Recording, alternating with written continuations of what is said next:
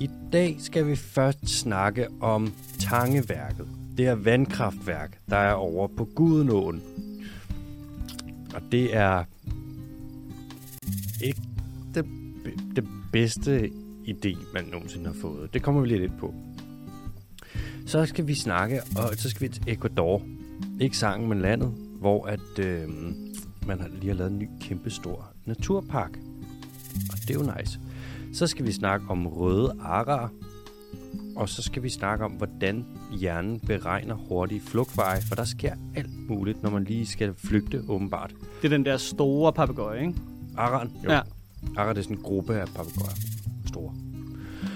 Og så kommer der de hurtige nyheder. Så kommer der El Quizo del Señor Bondo. En svær en i dag. Oh, shit. Så kommer der spørgsmål fra lytterne, og kommer der lytterløgn. Det gør der i hvert fald. Jeg har taget en med. Bondo. Ja, tak. Vi er tilbage i Studios. Ja. Hvordan går det? Hvad siger der? Det er ikke lige så godt vejr som sidste uge. Sidste uge var sådan noget rigtig lækkert vintervejr. Helt, øh, helt skyfrit og blå himmel og det hele. Det er tilbage til danske standarder. Mm. Det er super godt. Ja. Det er det der, øh, så har vi forår, sommer, meget langt efterår. Ja. Og så forår, sommer. Jamen, øh, det går sgu meget godt. Der er ikke så meget nyt at rapportere ind. Nej, sådan er det typisk i øh, februar måned. Ja. Mm. Det er en rigtig, rigtig kedelig måned. Kort måned, men kedelig måned. Ja. Jeg synes, det er sådan lidt et turning point. Man begynder nogle gange, når det solen skinner, at kunne ane sådan de første små pip af sådan lidt forår, der begynder halvt sådan at nærme sig. Jeg sad nede på The Boulevard of, uh, of Kebabs. Mm. Nørrebrogade? Øh, Nørrebrogade. Nede på Minas Kaffe, Åh oh, ja, og drak en kop kaffe her forleden. til 15 kroner. I sol... Nej, 20 er den røget op på nu, inflation, du ved ikke? Uh. Uh, den må egentlig have ramt dem hårdt. Ja. Det er jo en, Ja, fjer- det er en fjerdedel omsætning, de mister. Ja, det er faktisk ikke engang løgn. Ja. Ja. Gal, mand. Nå, jeg sad og drak en kop kaffe, og der var nemlig fuglepip, øh, og mange unge mennesker, og øh, en god kop kaffe i solskin. Det var fandme lækkert. Jeg elsker, når, det, når den første sol kommer, og man sidder, og det er måske 12 grader, og eller sådan ah, t-shirt, Ja. og så på den anden side efter sommeren, så er det sådan noget 22 grader, og man er sådan, jeg tror lige, jeg tager en trøje på. Tror Lange stænger, Ja, det bliver en sweater. altså lang rør. Jeg bliver, ja. Ja, man skal, man skal tage sig det øjeblik, hvor man kan få lov til at gå i solen lige for tiden. Altså, jeg pumper mig fuld, fuld med D-vitamin hver, hver anden dag. Ja, De hjælper lige fedt. Ja. Ja. Hvad med dig? det. Jamen lad os se, hvad der er nyt, hvad der er nyt. Og bup. øh, er det noget med, at du er begyndt at vinterbade lidt?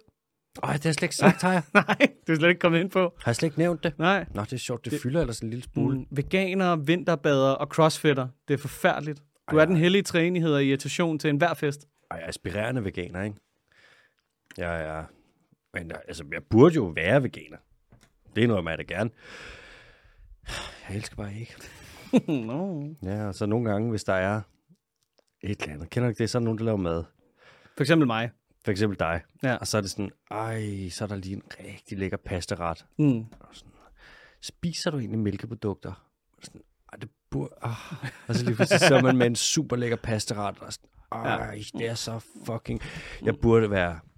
Med ost og fløde og alle mulige lækre ting. Ja, yeah, der er ikke nogen undskyldninger. Og så, øh, ja, før vi kaster os ud i det, så vil vi jo også gerne komme med et lille tak, vil vi ikke det, Bono? Jo, tak.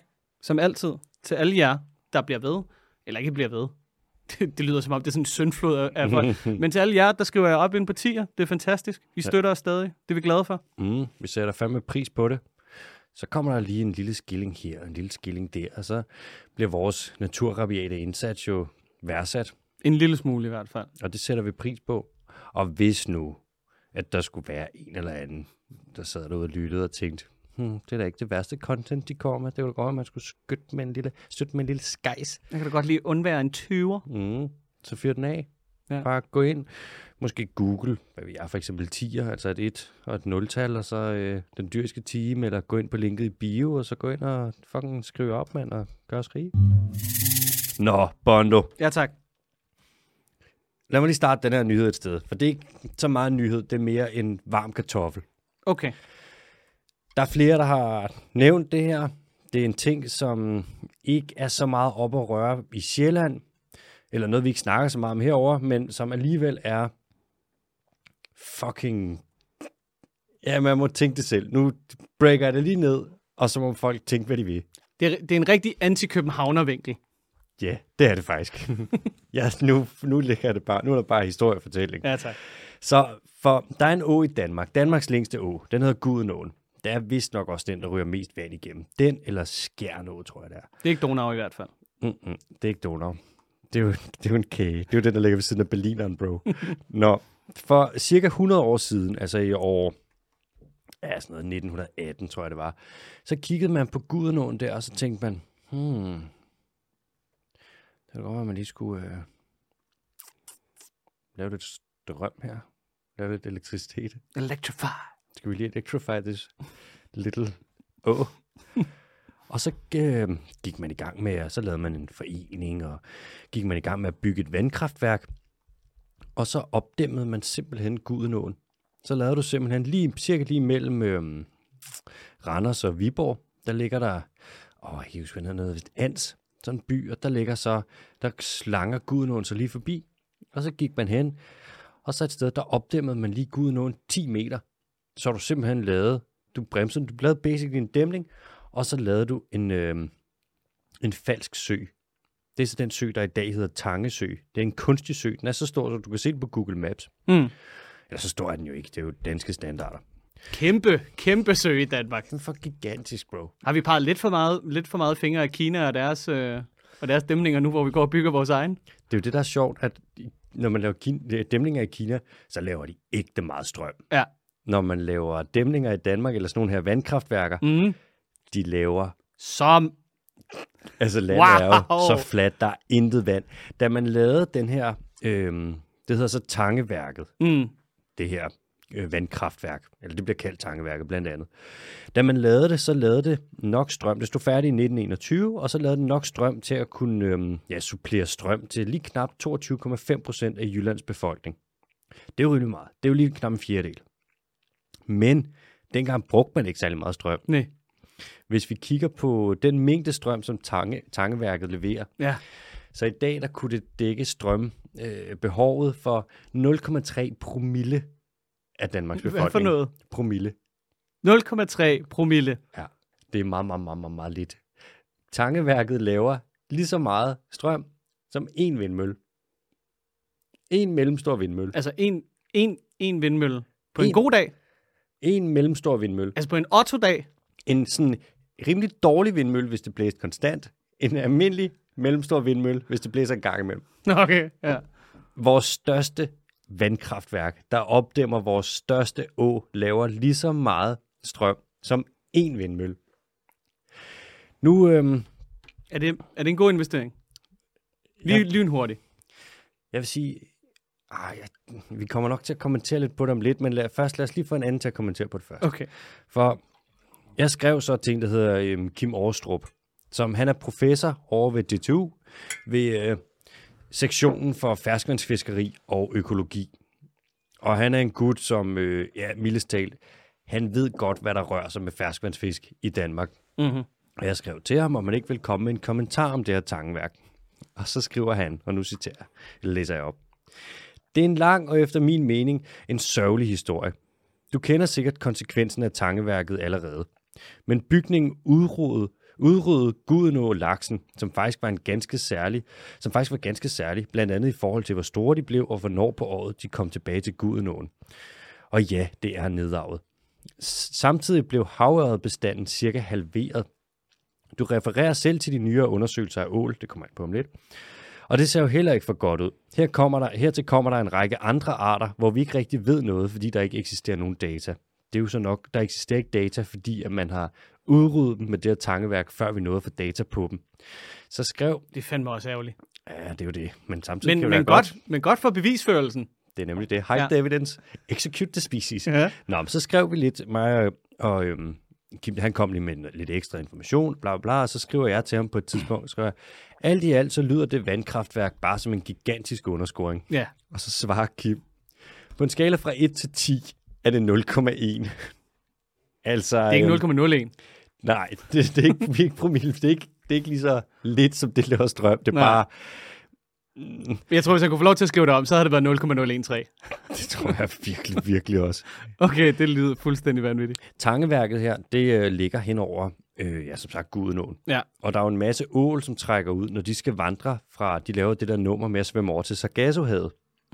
Og så drifte lidt. Ja, så kommer de op og tager en havstrøm og svømmer, og der sker alle mulige ting. Men først skal de jo live i havet. Og det er så, når de er i det livsstadie, hvor de er det, der hedder sølål. Og ålen er kritisk troet. Det er jo det, vi... Altså, 98 procent af de europæiske ål er forsvundet siden øh, 1980. Arten er lige ved at uddø. Og det er kun på grund af tangværket. det, er, det er så dumt her. så har man taget øhm, og fanget nogle ål, Ja. Som skulle svømme forbi tangeværket her, før man vidste, at de skulle til at migrere. Så har man lige sat en lille sender på dem. Mm. Kan du godt, når de ikke skal svømme så langt. Og så kunne man se, at 75 procent af de ål, der skulle svømme forbi tangeværket, de klarede den bare ikke, de døde. Nå, Enten så kom de ind i turbinerne, de der, hvor vandet fosser igennem, og så blev de bare most, og ellers så blev de bare fanget nogle gitre, og så døde de. Nå for satan. Så fem, det er tre ud af fire ål, de døde. Altså en kritisk troet art, som skal op og gyde. Det er rimelig vigtigt. Det kan de ikke, fordi vi har et kraftværk, som står og laver lige så meget strøm som en fucking vindmølle.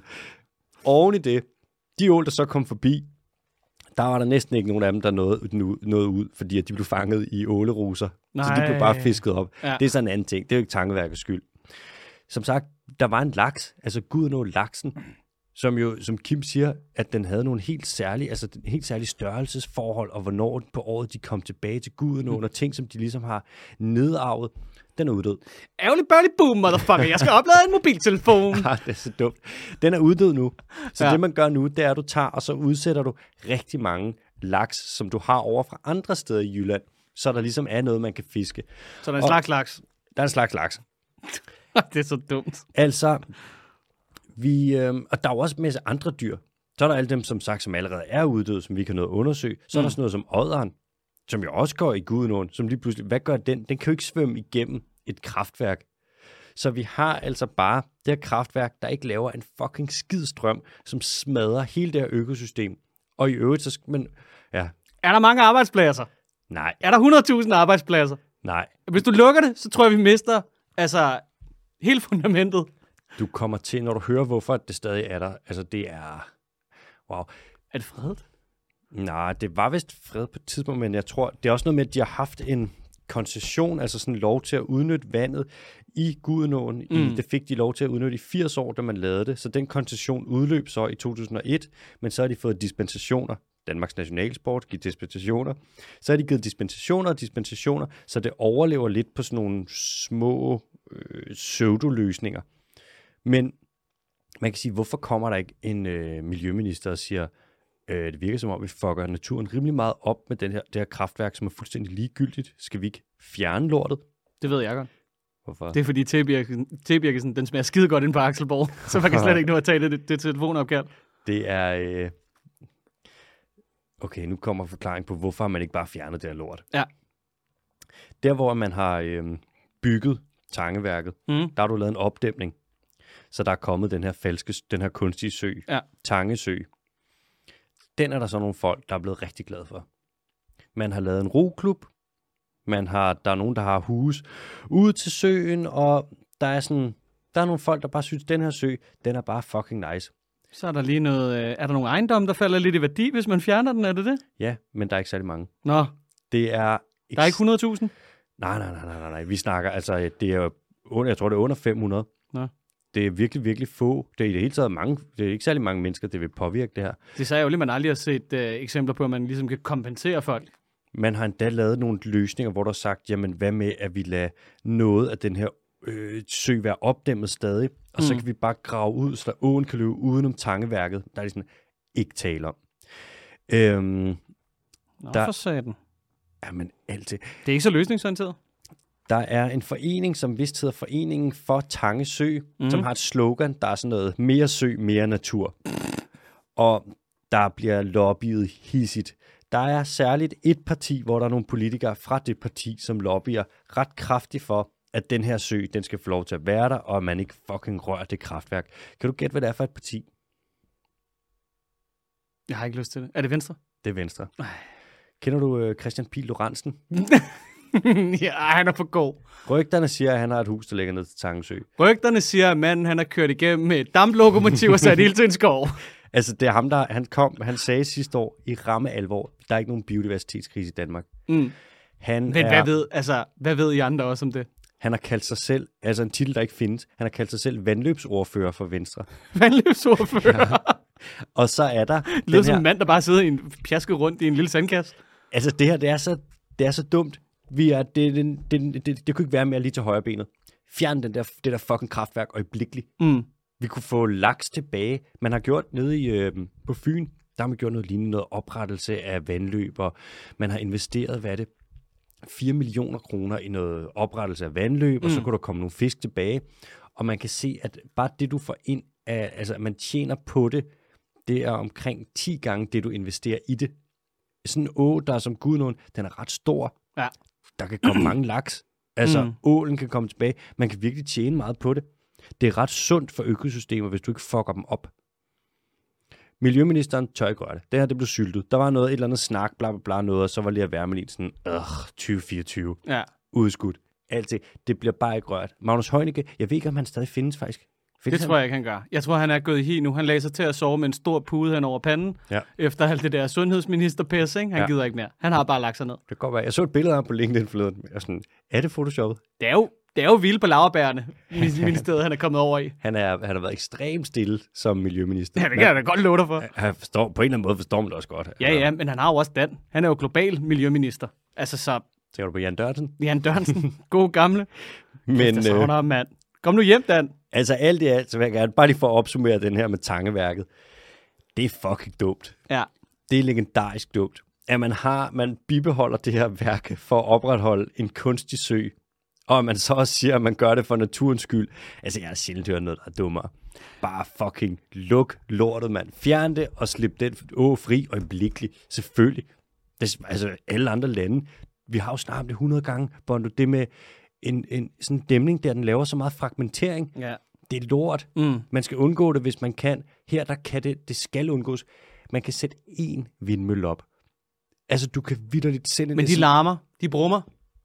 Jamen, det gør det, kraftværket sikkert også. Næ, så, sæt, så, næ, sæt, næ, hold op. så giv dem, så kompenser dem og sige, ved du hvad, fuck det, I Ja. får en kæmpe vindmølle. Så sæt den op lige ved Christian Pil Lorentzens sommerhus. Bum, mand, værsgo.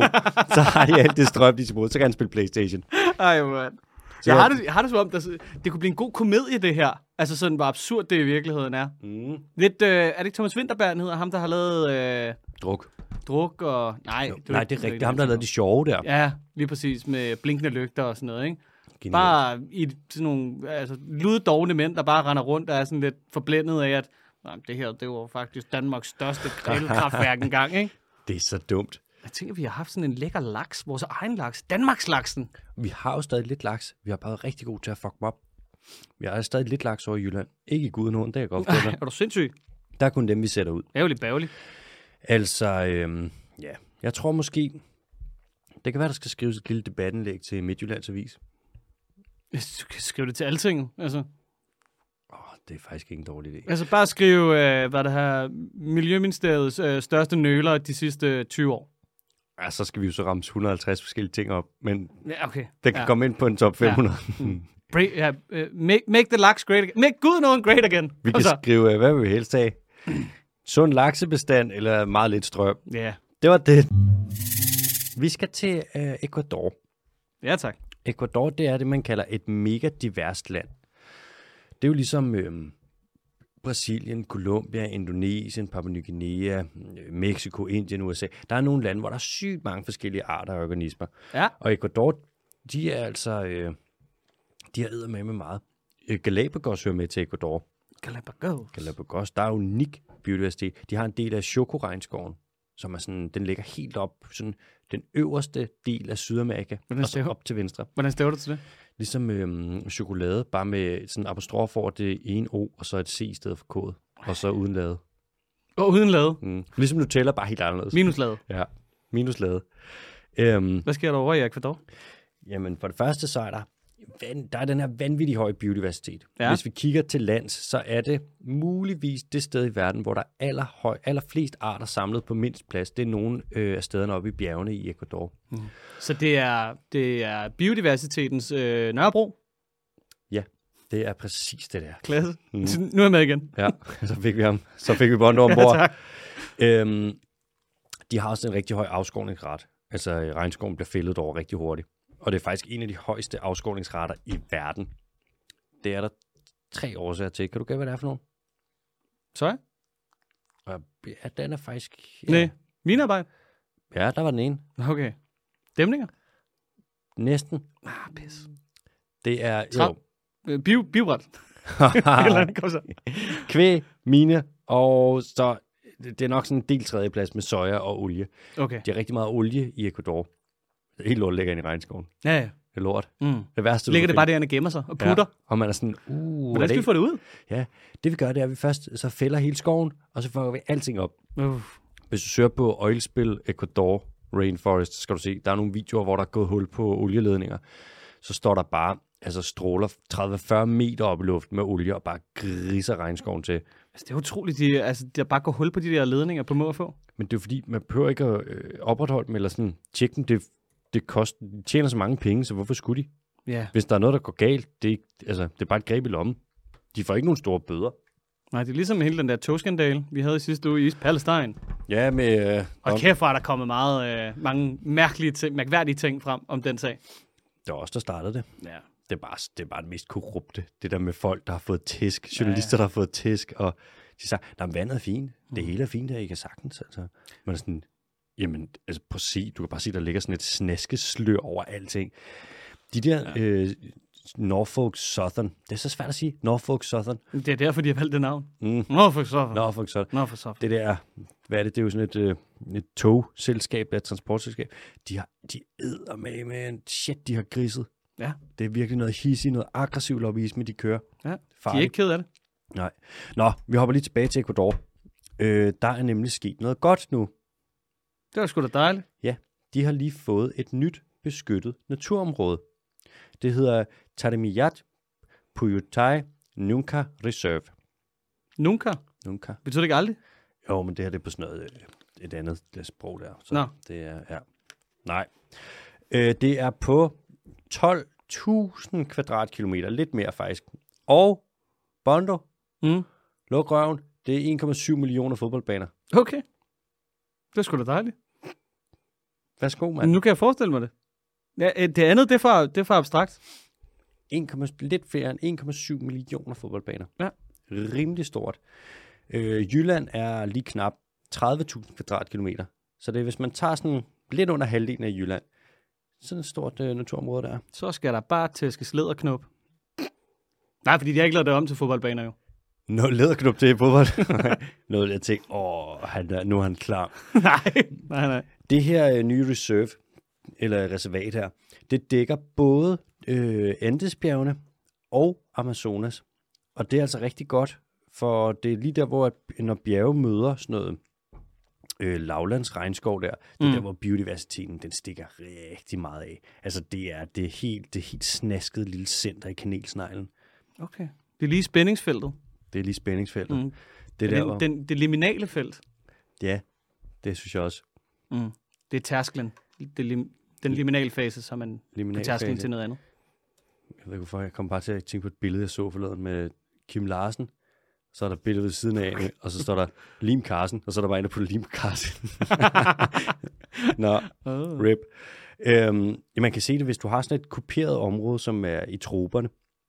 Altså, hvor der er bjerge, og så er der lidt sådan noget lavland, og nogle dale, og der er regnskov. Det er der, hvor biodiversiteten, det er bare dens mekka. Og mm. Det er der altså herover, hvor Andesbjergene møder Amazonas. Mm. Så det er virkelig fedt, at det lige er her, man siger, "Pff, lad os da lige øh, frede 1,7 millioner fodboldbaner i land. Og i det her område, der bor der også lige omkring 200.000 mennesker. Og de fleste af dem, det er nogle oprindelige folk fra, og nu har jeg nogle af de her, nogle af de her stammer med, og så må vi lige se, om jeg kan sige det rigtigt.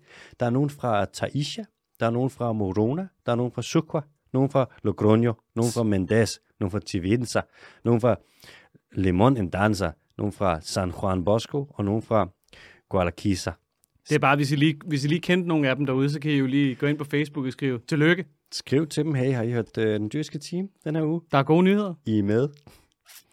Så det er rigtig godt, det her det er blevet øh, etableret. Mm. Der er nogle mænder, men for nu, Nå, okay, jeg, jeg tror du mente mænder. Altså. Ja, ja nej, men altså sådan, der er nogle men, nogle løftede pegefinger. Ja. Der er nogle ting, hvor man tænker, åh, åh. Men der er ikke noget, der går galt endnu. Den, bal- den balancerer på en knivsæk, Ja, de har eller hvad? sådan, det er fordi i, i Ecuador, der har de sådan en regel med, at hvis der er noget, der hedder mining concessions, Ja. som er sådan nogle koncessioner, hvor du har lov til at lave minedrift, hvis du finder, øh, det vil så typisk være olie, så Det er sgu da heldigt, at de er lige der, hvor man kan være så heldig at finde olie. Det er, jeg kan ikke huske, hvor meget det er, men det er helt en latterligt stor del af Ecuadors areal. Der er lov til at grave olie Mm. mm. eller lave minedrift, hvis du finder noget. Okay. Selv på privat ejendom. Så er der sådan et regel, der hedder, at du ejer jo øh, overfladen af jorden, men du ejer jo ikke det der inde under. Og hvis der kommer nogen og vil grave efter olie et sted, som du har, så skal de bare kompensere dig med et stykke skov et andet sted. Det virker lidt arbitrært, at det er sådan, hvor langt ned ejer man så? Nej, Nej. Det bestemmer olie. Ja, okay. Ja, ja. Spørg ja. Jamen selvfølgelig. Spørg Shell. Okay. Jeg, jeg tænkte jo, det kunne være meget fedt, du ved, som en, en lidt buhu, bussemand, et eller andet at sige, I, I må godt grave efter olie. I må ikke lede efter det. Uh, den er også god. Ja. Det er lidt ærgerligt. Det er da sindssygt, at man bare sådan, jamen I må godt, selvfølgelig godt grave olien op, hvis I kan finde den. Og så bare lade dem bore det der stakkels land sønder og sammen. Det er fucked up.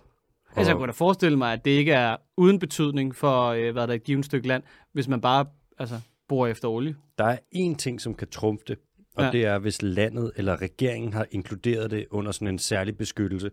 Men det gør de ikke som forfærdelig meget. Og den der beskyttelse er svær for regeringen at udvide, så... Men nu ser vi som sagt endnu, der er ikke, så vidt jeg ved, har de ikke fundet meget olie over endnu. Nej. Så det kan godt være, at det er hele. Måske det når at blive inkluderet i den anden slags beskyttelse. Det er derfor, at det er sådan, uh, spændende, det er første skridt, men der skal også lige være Og hvis det går skridt. galt, så lad os da lige sidde og pege fingre af dem, når vi ikke kan frede så meget som en stakkels ulv over i, i hvad det hedder, det grå Jylland. Hvad sagde du der? Ikke noget. Hvad sagde du om ulven? Ikke noget. Det er kryptisk forsvindingsret. Canis lupus. Det er kryptisk forsvindingsret. Den er på ferie. Hvor, hvad dør ulven af? det, lyder, det lyder som en god. Hvad dør ulven Hvad af? dør ulven af? Hvad, hvad siger reven? Hvad dør ulven af, Bono? Ding, ding, ding, ding, ding, ding. Hvad dør ulven af? Jeg ved det ikke. Det er nemlig rigtigt. Ja. Det er der ikke nogen, der ved. Nej, det er da fordi, den ikke har nok at spise. Fordi man passer godt på sin får. Ulven, den, dør, den dør ikke af noget. Den er, den, er kryptisk forsvindingsret. Savner ulven. Vi skal til noget andet. Vi tager øh, fra Ecuador, der hopper vi en lille smule nordpå. Vi hopper lige op over Panama, Panama op over Panama, Panderne. bla bla bla, op over Costa Rica, lige hen over Nicaragua, og så ind til Honduras. I Honduras, der har man nemlig stadig øh, røde arer. En vild bestand af dem. Og røde arer, det er nogle store papegøjer. Du kender dem. Det er dem, der ligner. De ligner de regnbuefarvede. Så har de... Øh, Det ligner et stykke rødt driv, drivtømmer med næb, altid. Ja, så sådan lidt blåt på fjerne og lidt grønt. De er meget flotte. De larmer, mand. De skriger. Og de der... De larmer, mand. Ah, hold kæft, jeg har engang passet røde ar, og de larmer så fucking meget. Og de driller, og de er jo ret kloge. Øhm, og de plejer at findes helt, altså i hele Mellemamerika, stort set. Mm. Og så hele vejen ned igennem Sydamerika, hvor altså alle steder, der var regnskov, endda lidt ned i Chile. Men nu er de væk fra størstedelen af Mellemamerika. Heldigvis. De lever stadig. Der findes en bestand op i øh, de blå bjerge, op i Mexico, lige ved grænsen til Guatemala. Og så i Guatemala sætter man nogen ud fra tid til anden, men de er svære ved at etablere sig. De er meget eftertragtede, de her fugle. Mm. De er røve mange penge værd. Det er lidt ligesom øh, den danske laks. Det er faktisk præcis det samme. De Den røde ara er Ja. Den røde ara er gudnå-laksen. Gud nu laksen. Du hørte det her først. Gud nu luksen. Der er, altså ara generelt er bare ret dyre. Der er en, en art, der hedder en hyacint-ara. Jeg tror, det er en af de dyreste øh, fugle, man kan have i fangenskab, altså uden en eller anden særlig tilladelse. Jeg tror, de koster 70.000 kroner. En rød ara koster vist nok omkring en 20-30.000, Jøsses kineser en investering i en Ja. fugl. men de kan blive øh, vildt gamle. Altså, vi Vildt snakker- gamle. Ja, de kan godt blive en 40-50 år. Nå. Og nu er det så sådan, at øhm, mm, i Honduras, hvis du tager Honduras, det ligger sådan ud til, de har noget, øhm, de ligger ud til den karibiske kyst, eller den karibiske bugt, eller Karibien, hold kæft. Og hvis du kører helt ud til højre i Honduras, så har de et område der, som hedder øh, La Mosquita. Næsten ligesom myggen. Myggen. Næsten ligesom myggen. Myggen. Næsten ligesom myggen. Det er ikke myggen. Næsten ligesom myggen. Hvad betyder det så? Jamen, det er La, mus- Er det en dansk eller, en La dans, eller hvad? Mosquitia. Muskitja. La Mosquitia. Muskita. Der har de røde ar. Og de havde, der plejede at være mange tusind. Indtil 1990, der var det bare lovligt at øh, jage dem, indsamle dem, sælge dem som kæledyr. Og så var det nemt at stoppe igen, når man først var begyndt. Ja, det blev nemmere og nemmere efterhånden, som man næsten udryddede dem i Ja, hvert fald. svært at finde. Der er ikke så mange tilbage. og de laver sådan et sjovt nummer i... Øh, normalt så lever de i regnskov. Mm. Men her i øh, Honduras, der lever de nogle steder, hvor der også er sådan nogle høje nåletræer. Fedt.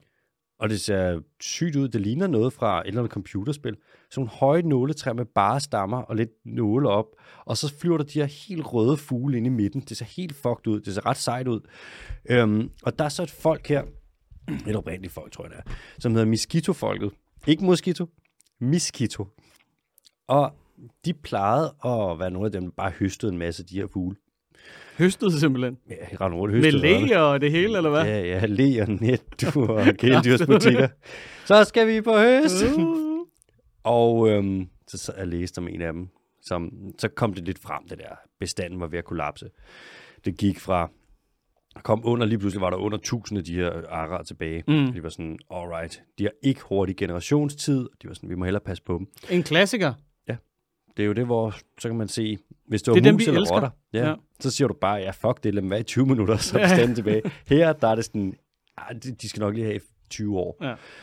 Så var der en, en gut her, som jeg læste en interview med, kan jeg huske, hvad han hed, som siger, jamen, de plejer at give os noget, de her fugle. De gav os øh, penge, så kunne vi øh, tage et æg og en unge hister her og sælge dem, og så fik vi nogle penge. Og nu tænker vi, nu er det på tide, at vi giver dem noget tilbage. Og så har de bare sat sig for at passe på dem. Nå. Så han gik ud, og så begyndte han at snakke med de her, det er jo så krybskytter, der høstede dem lige pludselig, når, de er, når det er ulovligt at gøre det. Og var sådan, helt lad være med det. Og de var sådan, dude, luk røven. Men øh, stille og roligt, så er det altså øh, tiltrukket noget opmærksomhed og nogle midler og nogle fonde. Og nu er det faktisk et, et rimelig stort område, der er blevet beskyttet, hvor der render folk rundt og får penge for at passe på de her fugle her. Mm. Der var lige et lille hul, hvor at der var noget funding, som stoppede, og de var sådan, alright, vi har ikke noget løn. Så var Honduras her, de, eller Honduras regering var rimelig nice, så sagde de, men det er cool. Vi sætter bare herren ind. Altså herren herren eller hjemværnet. Herren. De skulle, ikke, ud- de skulle ikke bare lige ud og dirigere nogen, der ikke kan finde ud af at køre i sne. Sagde vi selv, nej, nej, de skulle ikke bare vise, hvordan man fyrer hæksøl af. Nej. og vi skal, skal snakke med dem hjemmeværnet. og så øh, var de sådan, det er fint, vi sætter bare herren ind, så kan de krydsskytter bare fucking komme. Ja, ja. Øh, men de gjorde det aldrig. Nå. Så nu, nu tror jeg, der er styr på det igen. Det lyder som sådan en rigtig Duterte-ting. Ja, Det er sådan, hvad skal vi gøre? Det vil ikke fucking plukke dem. Der er, vi har ikke nogen. Vi så tager militæret. Så erklærer vi krig mod folket, Mm, som jo ikke er en slippery slope overhovedet. det er meget fedt først, være sådan, så dræb alle. Sådan, skal vi ikke lade være med det? Jo, det vil vi også. Fuck det, vi gør bare ikke noget. Nå. Prøv at, Ja. tænke på, prøv at tænke på, hvis at uh, herren blev sat ind i Danmark over for uh, lystfiskere, fordi de lige fiskede efter en lille laks over i Gudenåen. Kunne jeg grine, hvis man satte herren ind mod tangværket. Åh, oh, det kunne, åh, oh, ja, ja, bare springe det luft. Det der kraftværk har taget for mange laks. Ah, shit. Det er lidt ærgerligt, at der ikke skal mere til, end at der er bare nogen, der kan gå ned. Øh, Sopper de overhovedet i det? I, i uh, Gudnåen? Det gør man jo ikke. Det gør de ikke. Det tror jeg ikke på. Nej, det tror jeg ikke, man gør. Nej. Man sopper ikke Man kigger bare på den. Ja, man sopper ikke i en å. Mm. Den er... Ellers så skulle man sætte ind, ligesom man gjorde der, når, hvor man kastede bæver ud. Åh oh, ja, det var oppe i Nordamerika. Ja. Og så bare kaste bæver ud, men kun lige på de, øh, hvad det hedder, 17 meter, der går på tværs af Gudenåen. Der, hvor tangværket er. Og så altså, blæse tangværket ud af, ud af eksistens, men bare rigtig, rigtig mange bæver. Og så bare lade dem, du ved, lave deres eget dæmning. Det der, det er det mest interessante øh, um, forslag til naturgenopretning, jeg nogensinde har hørt. Muligvis også det dummeste og det mest barnlige. Man tænker, hvis det virkede. Okay, nu bliver jeg nødt til at spørge med noget, ikke? og nu, nu er vi tilbage ved tangværket igen. Ikke? Mm, mm. Ja, vi har alle sammen set de der videoer på Facebook og Instagram og sådan noget, ikke? hvor der er sådan en lille sliske, der kan trække en fisk op, og så kan den skyde den ud på den anden side. Mm. Et. Virker det? Det virker måske sådan en ud af en milliard gange. Nå, det, det er lidt ærgerligt. De har sådan nogle gitre, de sætter op foran de her værk, så der ikke skal komme øh, fisk og sådan noget ind i turbinerne. Mm. Men det er som om, at de her fisk, de kan ikke svømme igennem metaltrammer. Og det er som om, at hvis de gør, så kan de ikke svømme igennem turbiner, der flinser dem i stykker. Nå nej, men altså, når de så skulle trække, så kunne, man, så kunne de sætte sig op på den her sliske, og så fluff, så kunne de blive spyttet ud på den anden side. Ja, der er nogle, ja, det, altså, det virker jo sikkert en gang imellem. Men mm. man kan jo se, det er jo tydeligvis ikke så effektivt, når fisk bare uddør. Nej. Generelt så dæmninger, det, er jo- det er bare noget fucking lort. Er, kan man ikke lave en eller anden, ligesom at øh, når man har de der migrationsmønstre, mm. hvor det er sådan, så er der en hel masse, der skal, der skal på tværs af en vej eller sådan noget, og så sætter man lige sådan en lille bro op, eller Mm. et eller andet, eller graver en tunnel eller sådan noget. Ikke? Mm. Der er ikke en vandekvivalent til den. Altså det har man forsøgt med de der dumme slisker, der suger dem op med, med vakuum og spytter dem ud på den anden side, mm-hmm. men det fungerer ikke. Jeg ved ikke, om man har de der sådan nogle vakuumpumper derovre ved øh, tankeværket. Jeg Nej, det har man garanteret ikke, men jeg tænkte, altså, det var bare, om de overhovedet virker. Altså, fordi man ser dem altid som sådan, this is the solution, og så er man sådan, jeg tror ikke på det. Skal du heller ikke. Som udgangspunkt, når man ser på, hvor meget ravage der har været med dæmninger, hvor meget det er ødelagt, så har man ikke fået det til at virke nu. Nej. Så vil det jo tage overskrifter, ikke? Det er Jo, jo, bare sådan en pseudo-løsning. Mm. Det er lidt sådan, når, ligesom Danish Crown er sådan, ja, nej, men det er fint, hvis sådan 14 procent af vores soja er certificeret med et eller andet RTCS lorte øh, certifikat herover et eller andet, så det er okay, vi mishandler svin på fabrikker. Det er lidt det samme. Jo. Jeg vil gerne have et tech fix. Det kunne du godt mærke, ikke? Jeg sad og fiskede efter et tech fix. Det kommer. Fedt. Det kommer. Øhm, lad os se en gang. Så skal vi til os. Vi skal snakke lidt om hjernen nu. For det er jo sådan, at når at der er en trussel, der kommer mod et dyr, så skal det her dyr flytte sig hurtigt. Og ja, det skal gå stærkt. Og det er en helt særlig øh, sådan kædereaktion af ting, der sker, når at dyr skal flytte sig fra en trussel. Man kan sige, du overlever bedst, hvis du kommer hurtigt væk. Og du overlever endnu bedre, hvis du kommer hurtigt væk, men du også tænker hurtigt, eller din hjerne hurtigt finder en flugtvej. Men altså, hvordan, skal man, hvordan regner man ud, ikke bare hvor hurtigt man skal løbe, men også sådan, hvor skal man løbe hen? Og hvor langt skal man løbe? Man vil jo gerne løbe så kort som muligt, for det her med at flygte, det er ekstremt energikrævende. Altså, det er jo en sprint for livet, ikke? Og stressende for kroppen også, ikke? Altså, Sygt. pumper bare kortisol og jeg ved fandme ikke hvad. Og pis og lort, ikke? Alle de gode ting, Ja. dem man får stress af. Mm. Ja. Hmm. Det skal stærkt. Og hvis det ikke går stærkt, så dør du. Men hvad sker der i hjernen imens? Og det er, jeg vidste faktisk ikke, at det var noget, man forskede meget i, men selvfølgelig, det gør man jo. Øh, så man har undersøgt det hos kakelakker, man har undersøgt det hos bananfluer, hos Gakkelak. krabber, hos mus, hos alle mulige forskellige organismer. Mm. Og man har set hos kakelakker, at hvis de løber samme vej, hver gang at de flygter, eller dem har man ligesom kommet ud fra, forestil dig en kakelak altid bare løber sådan noget, hvad ved jeg, 9 grader til højre. Så hvis der var et rovdyr, der opfangede det, så ville det være det nemmeste for det rovdyr altid at fange dem. Mm. Så de bliver nødt til at være kreative, så man kan sige, at de løber i forskellige retninger, når de skal flygte. Også hvis der bare er sådan ikke noget særligt at løbe hen mod, hvis det bare er en blank.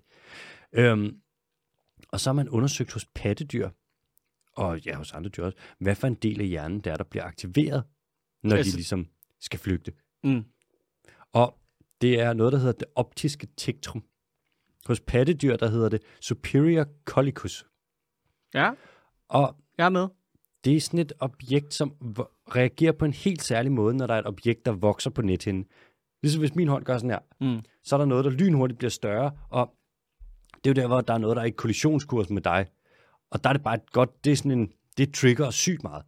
Det er der, hvor vi reagerer hurtigt og kommer væk, eller springer cyklen, fordi der er en bil, eller alt det der. Ikke? Så instinktivt fjerner sig fra det. Ja. Ja. Og det vi kan se, det er, at når der er noget, der kommer tættere og tættere på på den måde, så aktiverer det her øh, optiske tektrum, det op, aktiverer noget, der hedder the periconductal tr- gray, som giver signal til nogle muskler om, at nu skal der bare fucking fart på. Og så har man så undersøgt, altså det er sådan, okay, så forestil dig, der er det her optiske tektrum, det bliver aktiveret, når der er noget, der kommer hurtigt ind mod din nethinde, Mm. Så sender det signal til det her periconductal gray, så musklerne, som giver signal til musklerne med sådan, nu skal I bare fucking flygte jer. Og det er Altså- hjernen. Ja, som så sender det ned til musklerne, ikke? Så det er bare, det er fra øjnene til hjernen til musklerne, og så er det bare sådan sprinten. Det er der, hvor der bare adrenalin, alting, så går det bare fucking hurtigt. Er det sådan lidt reptil, reptilhjernerefleks-agtigt? Ja, for den vil nok også være i reptilhjernen, det her optiske spektrum. Mm. Altså, fordi det er jo meget med en instinkt og... Altså Præcis. Sådan, ja. Jo, og det er virkelig, det er jo simple sager. Så har man så taget nogle mus, og så har man taget og skåret øh, synapserne, de her hjerneforbindelser, der sidder imellem det optiske tektrum og det her periconductal gray over. Og så i stedet for, at de løber, og mus- musklerne bliver aktiveret, så de bare sprinter, så fryser de bare. Mm. Og det er sådan en fucked ting, man gør. Det er den der udelukkelsesmetode, man tit laver, når man skal lave ja, forskning, særlig hjerneforskning. hvor du ser sådan, øh, arbejder de her to hjernedele sammen, der er man sådan, det ved jeg ikke, prøv, prøv at skære dem fra hinanden, og så gør du det hos mus, og så ser du, hvordan de så reagerer, og så kan vi oversætte det til os. Men der er jo to eksempler på det. Der er jo den der, der er jo foråret også. Det der får, når du... Ja, så fryser er- det bare, og så falder det om. Det er rigtigt, der er nogle geder, der besvimer. Ja. Og der er også nogle, men, altså, der er også nogle mennesker, når de øh, hvad der kommer under enormt meget stress, så mm. lukker de bare ned. Det er fucked up. Ja. Det er sådan en øh, counter-respons. Ja. Man har set det, så vidt jeg ved, og jeg, det kan godt være, at jeg trækker det her ud af røven, men jeg er ret sikker på, at jeg læste om det i forbindelse med, at det var noget med, at du ved, drunk driving og sådan noget, ikke? og du ved, så var det typisk fædre, der kørte rigtig, rigtig fulde hjem i bil, men fordi at de var så fulde, som de var, så slappede de rigtig meget af i kroppen, og så var de eneste, der ikke omkom. Ja, det har jeg godt hørt om, det Ja. der. Og det er det samme med nogle mennesker, når de bare lukker ned. Mm. Altså, hvis de kommer i en stresset situation, hvor de er ved at køre galt, Ja. ja. så slapper kroppen så meget af, at de omkommer ikke. Resten omkommer, fordi de bare siger, ah, Det er sygt smart. fucking sindssygt. Altså, Det er det sidste, man skal sige. Hvis man kører galt, så skal du viske til din ven, slap fucking af, bro. ja, eller du ved, det er sådan, jeg, jeg har virkelig gode reflekser. Jeg slapper bare af. ja, præcis. så det er derfor, jeg har god frack score i CS. Jeg spænder overhovedet ikke i kæben. Ja. Mm. Øhm, det, er- det er sjovt at forske i sådan noget her. Det er sådan en underlig ting, som vi sikkert lærer en masse af.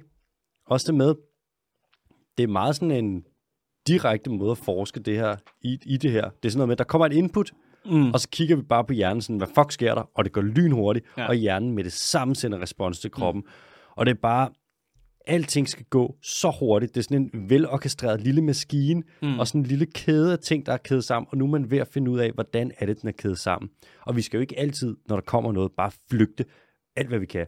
Prøv at tænk, verden ville jo være kaos, Mm. hvis hver gang, at der var et eller andet, der var den med. Så vi vender os op også til ting, og vi skal kunne skelne lynhurtigt mellem noget, der er slået ihjel, og noget, som vi måske bare skal være lidt på vagt overfor. Ja. Og alt det der, det er åbenbart sådan et helt forskningsfelt.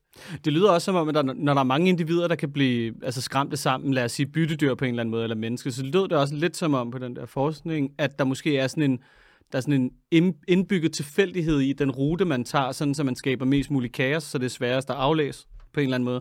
Altså fordi når du ser menneskemængder, når de flygter fra noget, ikke? Mm. altså de løber jo ind i hinanden, og de løber på tværs af hinanden, og de løber over hinanden. Altså, altså bare fucking Black Friday, altså det giver ikke nogen mening. Mm. Så altså, det kan da godt være, at der er måske et eller andet sådan... De flygter synkront. Nogen, eller de sådan, det er jo smart, hvis der er kaos, så de flygter asynkront. Jamen det er det, jeg mener. Ja. Der er jo nogle dyr, der gør det modsatte, hvor de, øhm, Så rotter de sig sammen. de masser sig op. Der er nogle fisk, der gør det, hvor de laver sådan nogle, eller faktisk, jeg tror nærmest de fleste fisk, der lever i store flokke. Hvis der kommer et rovdyr, så holder de sammen, for så kan rovdyret ikke udvælge en, fordi den er sådan, åh, der er for meget, og så prøver den et eller andet. Okay. Flagermus gør det også, når de skal flygte. Fugle, altså se sådan noget sort sol, når ja. Stære laver det. Hvordan de kajter rundt, ikke? i sådan helt synkron, det er nærmest som en organisme. Så er der nogle fugle, der har fundet ud af at jage flagermus, der gør det. Ved du, hvad de gør? Det holder sig bare for øjnene. Præcis. De sigter bare okay. på, de, man kan bare sige, de kigger bare på et punkt, der er lige fremme, så er de sådan, jeg jager ikke en, nu jager jeg bare helt lort. Jeg jager bare lige ud. og, det, og så virker det. Ja, jeg løber bare ind med åben mund i slikland, og du Ja. ja. ved, der er et eller andet, der må ramme på et tidspunkt. og det sjove er, det er jo sådan en, hvad fanden er det, man kalder det? Det kan jeg ikke huske, men det, jo, det er en koevolution, hvor du har, så flagmusene finder ud af, altså ikke en ko, men en, altså en sideløbende. en okse-evolution. En okse-evolution, En ko, ja, ja. sideløbende evolution. Ja, en bouillonterning af en evolution. Ja, yeah. og det er kylling okse. så ser du flagermus, de finder ud af, okay, eller de finder jo ikke ud af, men dem, der overlever, det er dem, der flyver sammen. Ja. Så sker det, så evolutionen favoriserer dem, så kommer der mange af dem. Så fuglene bliver forvirret, rovfuglene, der jager flagermusene, og er sådan, hvad fuck, mand, jeg kan ikke vælge en, jeg bliver ved med at blive forvirret. Så er der en eller anden fugl, der en dag er sådan, fuck det her, mand. Jeg jager bare 180 grader. Ja. Jenkins! Og så ser du, så den fugl er sådan, ja, det er underligt, mand. Har du set Høgefrank? Han er jo, han plejede at være fuck dårlig i skolen, men shit, han farer nogle flagmus. Han lukker bare sådan lidt øjnene og flyver lige ud. Og så ham, han får bare masser af unger, for han får masser af mad. Mm. Så er det ligesom hans jagtteknik, der overlever. Så skal flagmusene vende sig til det. Og så ser du sådan en stige, hvor den ene går et trin op, så går den anden trin op, så går den anden trin op. Det er sådan en underlig... Og så er det sjovt, ikke? fordi så sker der noget nu, hvor det sådan, så begynder jeg at lægge menneskelogik ned over det, hvor at du ved, Høgefrank, ikke? Mm. han er jo den dummeste, men har overlevet, fordi han er dum, fordi han bare sådan, ah, og så bare, du ved, altså fucking valfisker den ind i øh, en eller anden flok. ja. Altså, Jamen, ja, det, det er det er rigtigt. underligt. det er jo aldrig, det er jo heller ikke altid den, nødvendigvis den klogeste, der overlever. Det er bare den, der sådan er, den er bedst til at overleve. Best fitness. Best fatness. Mm. Mm. Og det er det virkelig.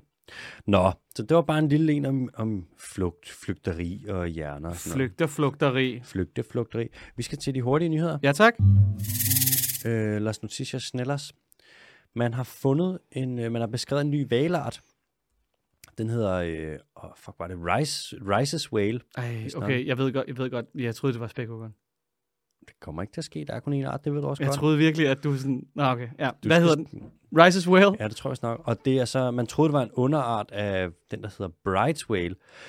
Men det er det ikke. Det er så dens egen art nu, og der er under 100 individer. Så den er lige blevet beskrevet, og den er allerede super truet. Og den lever over den øh, meksikanske golf, hvor at den er truet af alt fra forurening til illegal fiskeri til at blive påsejlet af både. Så det er sådan lidt, Velkommen til verden. ja, yeah, velkommen til, du uddør nok.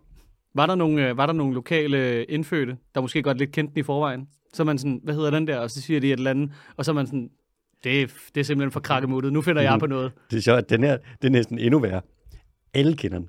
Man har kendt Ja, ja. arten i lang tid, og så er der en dag nogen, der er sådan, er det egentlig en underart, den der, eller er det den Jeg egen synes, art? finderne sidder sådan lidt i en 45-graders vinkel ude fra kroppen. Har vi og nogen lagt mærke til det? Ja, har vi noget DNA? Er der nogen, der kan skaffe enten noget, øh, et lille udsnit af noget kød fra den, eller noget lort? Kan skaffe, har vi noget lort? Mm. Så er nogen sådan, ja, vi har noget lort.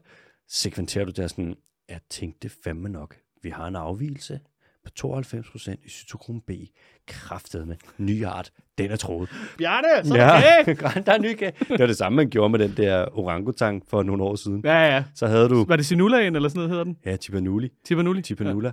Så havde du to arter af orangutang. Kæft, det var tæt på. Ja, det var flot. Hold da kæft. Godt lavet. Man havde Sumatra og Borneo orangutang. Borneo. Borneo orangutang. Ja. Og så fandt man på, øh, nede ved, ja, der ved Tipanuli, mm. på Indonesien, eller Indonesien, der var man sådan, det der, det er sgu da egentlig ikke lige, lad os lige prøve at se, om vi kan finde en ny art. Sådan noget. Jo, det er sgu en ny art. Så kommer der bare aviser ud i hele verden. Ny art af orangutang fundet. Og Ja, sådan, ja. Nej, jeg synes, man Nej, er vi har set den hele tiden. Ja, der, vi har levet side om side med den i mange tusind år. Ja. Vi har Det er- udryddet den i mange tusind år. Det er ligesom, hvis man kiggede på nogle, nogle sko, du havde derhjemme, og sådan, de der Nike-sko, du har derovre, du var sådan, nej, nej, børstet støv af. Det er Adidas. Det er Adidas. det er Adidas. Nå, så der har man fundet en ny art af valer. Den, Så- der har man ikke, man har beskrevet en. Tillykke til verden. Vi mister den lige om lidt. Øv, bøv. Yeah. Men man har fundet en helt ny art, som måske er en art, der faktisk ikke har været fundet før, af frø, som er, den, som er opkaldt efter Tolkien. Okay. En Tolkien-frø. Ej, mand. Det er godt, altså du ved, der er mange, der snakker om øh, sådan vinkler, altså den danske vinkel og københavnervinkelen og sådan noget, ikke? Mm-hmm. Vi har altid en Ringnes Herre-vinkel. Jeg har altid en ringende særnyhed, og det var så fucking lidt. Så dejligt. Der har man fundet den, og man har fundet indtil videre et individ, som man kan sige, det er meget svært at vurdere noget som helst om bestanden, fordi lige nu der er bestanden singular. Øv, bøv. Ja, men der er jo helt sikkert Så der er kun fire. Ja, amfibier gemmer sig godt. Mm. Padder er generelt forholdsvis små i forhold til andre dyr. Dygtige gemmere. De kryptiske. De kan godt lide, at de lever sådan fugtige steder, og de, er, de har ikke noget behov for at blive set Nej. så tit. Nej. Gode til at kamuflere sig. Nej. Ligesom nogen... Hold jer væk. Ja, de vil gerne være lidt i fred. Mm. Ligesom nogle de, øh, grupper af krybdyr. Kameleoner. Gru- grupper af krybdyr. grupper af krybdyr. Bladkameleoner for eksempel. Ja. Ja. Prøv at søge på, øhm, Klassisk kameleon. ja, prøv at søge på leaf chameleon. Leaf kameleon. Så skal du se, det er nogle af de mindste krybdyr, man kender. De er på størrelse med spidsen af en Ah, det lillefinger. er sgu da en klassisk brocasia. Ja, ja, Brocasia. Prøv hvor små de er. Hold da op. Så hver gang du kigger ned i, i skovbunden på Madagaskar, så finder man lige en lille ny art af. Prøv at se, hvor små de er. Jamen, jeg kan ikke se, hvor små... Jo, åh, sindssygt, mand. Okay, den er, den er på størrelse med hovedet på en, øh, en tændstik. Og de er virkelig, virkelig, virkelig små. Shit, mand. Der er en- Banana for scale. Der, man siger, der er, her der er det bare something very small for scale. Man siger, der er en, en grænse for, hvor store dyr kan blive, og hvor små de kan blive. Mm. Og hvis du kigger, dyr kan ikke blive større end blåvaler. Ikke, det, er meget, det, kan, det er ikke rigtig lade sig gøre lidt. Det vil ikke gå op. Der er ikke nogen fordel i det. Deres fitness vil blive reduceret, hvis de bliver større. Der er også en grænse for, hvor små de kan blive. Det der, det er ret tæt på. Der er Mm. også den mindste frø, man kender. Den er ekstremt lille, og hvis det skal være et dyr, der har et vivldyr med en Mm. mm. ryggrad og alle de organer, som vivldyr har, osv., osv., osv., så er der en grænse for, hvor små de kan blive, før det bare bliver åndssvagt. Ja, ja. Og så Okay. dør de dysfunktionelle. Ligesom med hunderaser, hvor sådan, der er grænser for, hvor... Hov, hov, hov, hov, hov. Nu, altså, vi lægger os ikke ud med kattens værn. Vi skal heller ikke lægge os ud med hundeejere, fordi vi siger, at øh, franske bulldogs, det er mere eller mindre tortur. Jeg, jeg er sikker på, at du ikke mente det, du lige sagde. Det gør jeg ikke. Godt. Det mente du ikke. Nej. Så skal vi til øh, Peru en tur, hvor at det er sådan på Stillehavskysten over i Peru, og det er den eneste kyst, de har, så det giver god mening, at det er den. Der er fugleinfluenzaen gået fuldstændig amok. Den har dræbt 10.000 vis af havfugle. Det er det strain af fugleinfluenza, som hedder H5N1. Øh, hvor er det nu, man også finder det strain af fugleinfluenza? Mm. Det skulle vel aldrig være på en minkfarm i Danmark. Det er den nok Eller i snart. Spanien. Det er i hvert fald fundet i Spanien, og vi er i gang med at importere spanske mink. Fugle... Og norske. Der har de også fundet det. Har de det? Ja, ja. Ah, det er dumt, mand. Nå. Men nu er det sådan, at den her fugleinfluenza, den er selvfølgelig rigtig dårlig for fugle. Den dræber ekstremt mange fugle nede i Peru, og mange af de her arter, de er altså også troet. Mm. Den har dræbt så mange fugle nu, så den industri, der er omkring øh, guano, altså fuglelort, som Ja. man jo tager, og så høster man det. Åh, kæft, jeg bruger det ord meget i dag. Men indsamler det og bruger det til gødning på marker. Og det kan man godt gøre, hvis man ikke tager for meget af det. Det er rimelig bæredygtigt. De skider helvedes til de her fugle. Der er simpelthen så mange fugle, der er døde nu, så man er bange for, at det vil påvirke, hvor meget guano man kan høste. Oh, det var sgu da ærgerligt, var. Ja, og fugleinfluenza dræber også sæler og søløver. De kan bare af en eller anden grund, så er det sygt farligt for dem. Og den her, det her link, hvor man ser en fugl, der smitter pattedyr, og pattedyrene dør, det vækker bekymring. For vi er også pattedyr. Og der er mange fugle i Danmark. Det er bare så pisse ærgerligt, man ikke kan gøre noget ved det. Ja, hvis bare man kunne lade være med at genstarte en underskudsforretning bygget på dyremishandling. Åh, det er svært. Sådan en hater, du er. Undskyld. Bare nu vil du ikke quizze mig. Ja, for helvede. Så kører vi. Er du klar til, at det bliver svært? Ja. Yeah. Okay. Øh, det starter faktisk lidt anderledes i den her uge, fordi jeg kunne ikke vælge mellem fun factsene. Så der er to fun facts. Så Åh. du vælger lige, hvad for et du gerne vil starte med, og så kan du få et øh, ekstra fun fact, et gratis fun fact, omkring fact 3 eller sådan noget, hvis, at, øh, hvis du ikke har gættet det der. Jeg vil gerne starte med fun fact nummer to. Nummer to. Cool. Fun fact. Den nordligste art i min familie blev for første gang beskrevet i 1845 af den danske biolog Henrik Nikolaj Krøyer, og jeg blev fundet ud for Grønlands kyster. Den nordligste art af min, i min familie ja. blev fundet af Niels Henrik Krøyer i 1845 ud for Grønlands kyst. Ja. Det er fordi, det er danskervinkelen.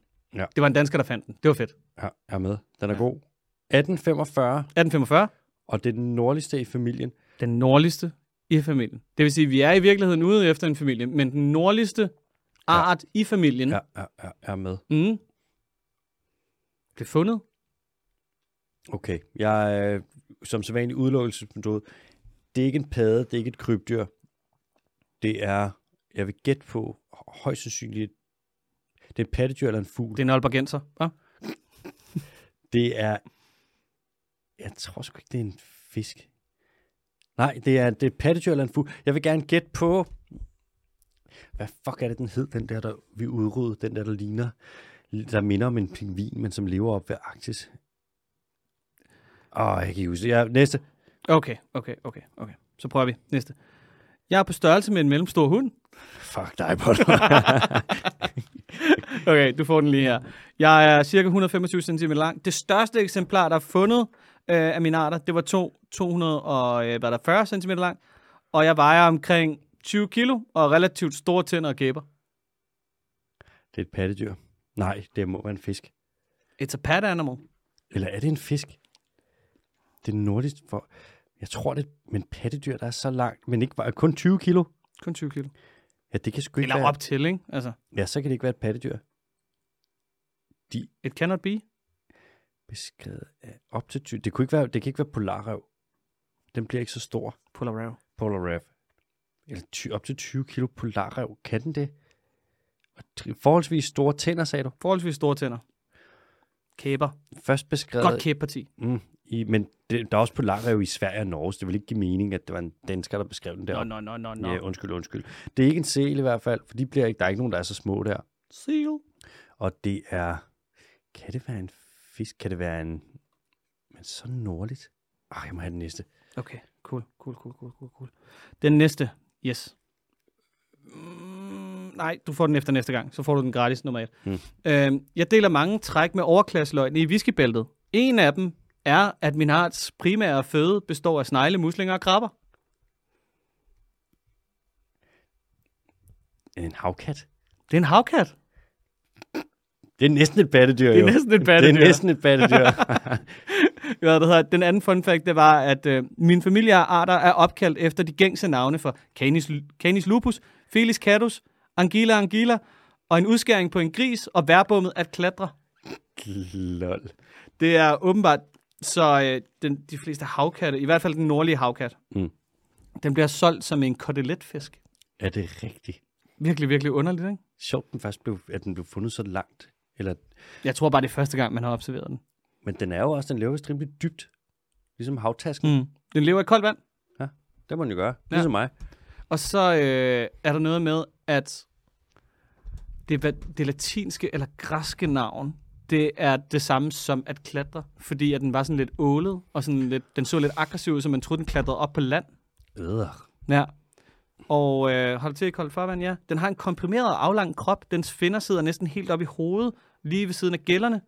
Det har givet anledning til, at man troede, det var en ål.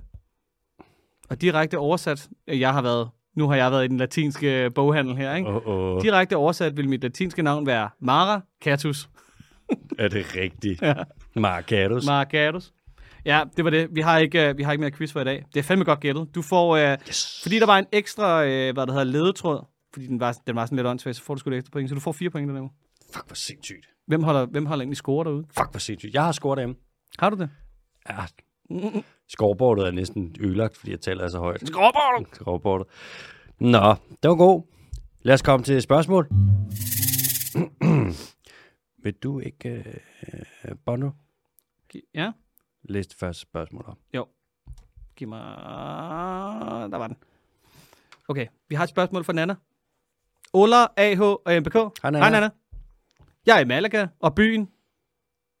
jeg er i Malaga, og byen har en smuk sandstrand med isboder, restauranter og parasoller. Alt det sædvanlige. Mm. Men stranden giver mig myrekryb. Fordi hver gang vi har været der, så har der ligget store dyr, der er skyllet op på stranden. I dag så vi for eksempel en stakkels ko, der nok var druknet for nogle dage siden. Kadaveret lå 50 meter fra nogle badende børn. Øh. Synd for børnene. Mm. Særligt syn på stranden. Øh, det sidder stadig i mig en uge efter. Der lå en lille død valkalv.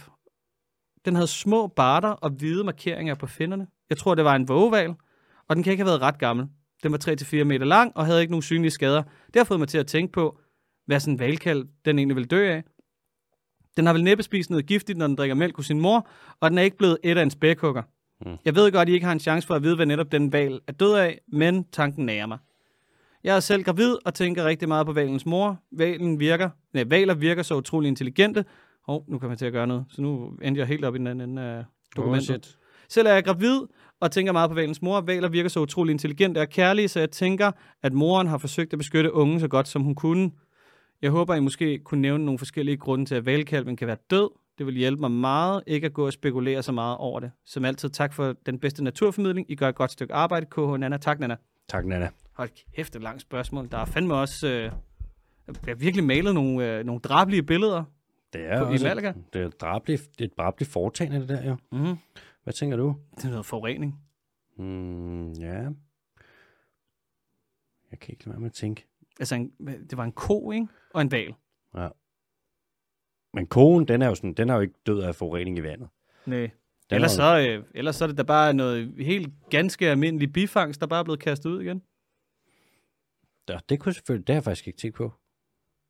Mm, jeg kan ikke lade være med at tænke, hvis moren dør, så dør ungen. Mm.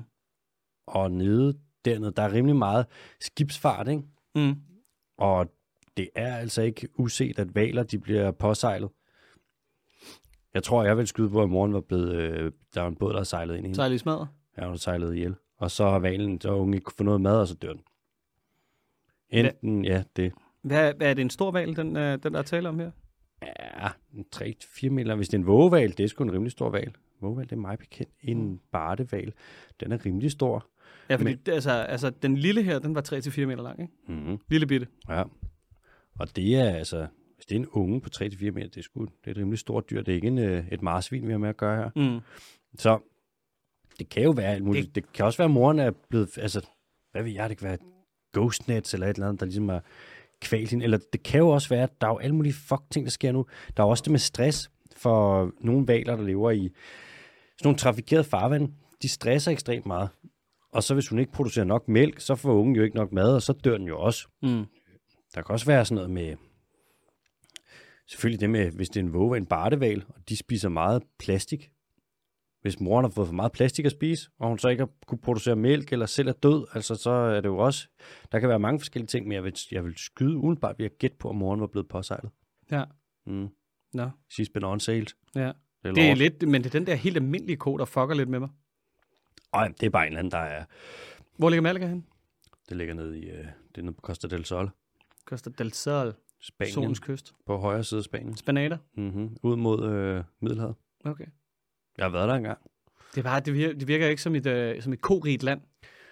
Ah, der, er rimelig, der er rimelig mange køer i, i Spanien. Nej, der er Ferdinand. Og så, det var det. Der er det. Øh, man skal ikke glemme, det er jo, øh, hvad er det, det hedder, det der tyrefægtningsland. Mm. Der er en by dernede, der hedder Ronda. Pamplona. Er ikke det, det hedder? Sikkert også. Det var der, hvor øh, Ernest Hemingways, han godt kunne lide at komme ned og se nogle... Og hygge sig. Mm, så kunne han godt lide det om Drikke noget morgenen. absint. Det var noget rødvin. Han kunne sætte med tage fra, dude. Det var sindssygt. Jeg har læst nogle Jeg gange. skulle ikke drikke om kap med ham. Jeg har læst en gang Ham og med... Hunter S. Thompson. Puh, er du sindssyg. Hondas Thompson, han drikker med begge næsebor. 405, cocaine. 407, cocaine. Ja, champagne og LSD. Hemingway, der jeg læste en gang om, han havde en af hans stamsteder nede i Spanien der. Ja. Der er de sådan, ja, men han kunne godt lide det til brunch, så drak han to flasker Tempranillo. Nå, okay. Ja, bare lige sådan hurtigt. Men, Men det forbrænder også i, i den der varme luft. Ja, jamen, det gør det. Hemingway, han slår mig også som sådan en rigtig Casablanca-type, ikke? Du ved, bare ned og bare være hvid mand, og bare eje det hele. Ja. Og det eneste, han kan sige på spansk, det er på favor. Ja, ja, fucking cervezas herovre. Ja. Smager det absint? Nej, så gå væk. Og Rita, let's fucking go. Ja, så vi havde ikke nogen svar, desværre. Nej, nej, vi kan jo ikke sige det. Jeg ved også, det er jo... Vi har bud. Det kan være, at det er en unge. Det kan også være, altså, de er jo, ungerne kan jo godt ligne voksne valer lidt. Det kan også være en, en art af, af voksen val, som ligesom er, er, er skyllet op, ikke? hvor den er død af et eller andet. Det er svært at sige. Du må eventuelt, hvis du har taget et billede af den, må du meget gerne sende det, så kan vi lige kigge på det. Det kan også være, det er en helt ny vågevalg. Og det var den sidste. Det sgu godt Det er være. en fucking klassiker. Så ja, navngiv lortet. Nå, Bono. Ja, Vi har et har den- spørgsmål fra Magnus. Ja. Jeg læser op. Hej AH og MBK. Først og fremmest tak for en fantastisk podcast. hej Magnus. Hej Tak. Magnus, tak. Jeg ved, jeg har været lidt inde på det før, men jeg tænkte på, om I ikke i et afsnit vil have tid til at sætte lidt fokus på vores forbrug af spagnum. Spagnum. Der er mange, som sikkert er enige i, at det vil være noget rigtig råd for klimaet at dræne for eksempel Kongos regnskov. Jeg er i hvert fald enig personligt her, mig AH. Men jeg tror ikke, at der er så mange, som ved, hvor skidt blomstermuld for eksempel er. I forbindelse med min praktik beskæftiger jeg mig en hel del med den danske højmose og genoprettelse af disse. Jeg har i den forbindelse besøgt en dansk øh, producent af blomstermuld, som høster spagnum på godt 100, 100 øh, hektar jord, hvilket med lidt overslag udleder godt 1,8 millioner ton CO2 om året, alene på at være drænet, når man siger, at hver hektar drænet tørvemose udleder årligt, hvad der svarer til at køre tre gange rundt om jorden i en personbil. Altså lige en sag for, at man ikke skal købe øhm, blomstermuld med spagnum, men vælge alternativer, som så småt er ved at komme på markedet. Jeg håber, det gør mening, og I vil hjælpe med at brede budskabet. De bedste grønne hilsner fra Magnus. Øhm, okay. Jeg, jeg, jeg, sl- jeg, hvis vi har snakket om spagnum, Ja. så har jeg øh, glemt det. Vi har altid snakket om humus. Ja, humus det er det øverste jordlag, men Mm. vi har snakket om tørvemos. Ja, Og tørvemos, det er også der, hvor man vist nok høster, høster spagnum fra. spagnum. Og nu skal jeg passe på, at jeg ikke råder rundt i det, men spagnum, det er jo en slags mus, som laver sådan en særlig habitat, hvor højmus, lavmus, så sidder det der som en svamp, og så kan det ligesom lave et helt særligt habitat, som er meget næringsfattigt, og det er godt for nogle særlige planter, og vi har fjernet næsten alt øh, højmos, lavmos og det her spagnumrige habitat i Danmark. Og det med, at der er at 100 hektar øhm, af sådan noget drænet mose og udleder 1,8 millioner ton CO2 om året, øh, det passer ikke. Det er mig bekendt, så udleder 1 hektar drænet mose et sted mellem 20 og 30 ton om året. Og jeg ved ikke, det der tal, det er lidt for højt. Hvis det udledte så meget her, så vil de der 100 hektar udlede lige så meget som cirka 4% af Danmarks samlede udledninger vil komme fra de der 100 hektar. Og det gør de ikke. Det er simpelthen det er for meget. Men Kan der være et 0 for meget på, så det er 180.000? tre, tre nuller for meget på. Nej, faktisk. Vil jeg se, det er 27, hvis vi siger 2, 25, så skal der bare være 100 gange. Ja, vi kan sige 2500 ton CO2 om året. Det er stadig meget. Altså, det er rigtig, rigtig meget. Mm. Og det er en rigtig, rigtig dårlig idé, at man stadig øh, dræner tørvemoser og at man tager det her øh, tørv op for at bruge det til øh, potteplanter. Mm. For det er et habitat, som vi har sindssygt meget brug for, og det er fuldstændig åndssvagt, når det også er så effektivt i forhold til klima. Altså, det lærer bare sygt meget. Altså, vådområder i det hele taget, og særligt højmus, lavmus osv., lærer fucking meget CO2. Så det med at dræne det for at få spagnum, så man kan bruge det potteplanter, det er en super dårlig idé. Hvorfor er det, hvorfor er det CO2, øh, når, man, når, det, når det er forbundet til noget, bare er så fedt?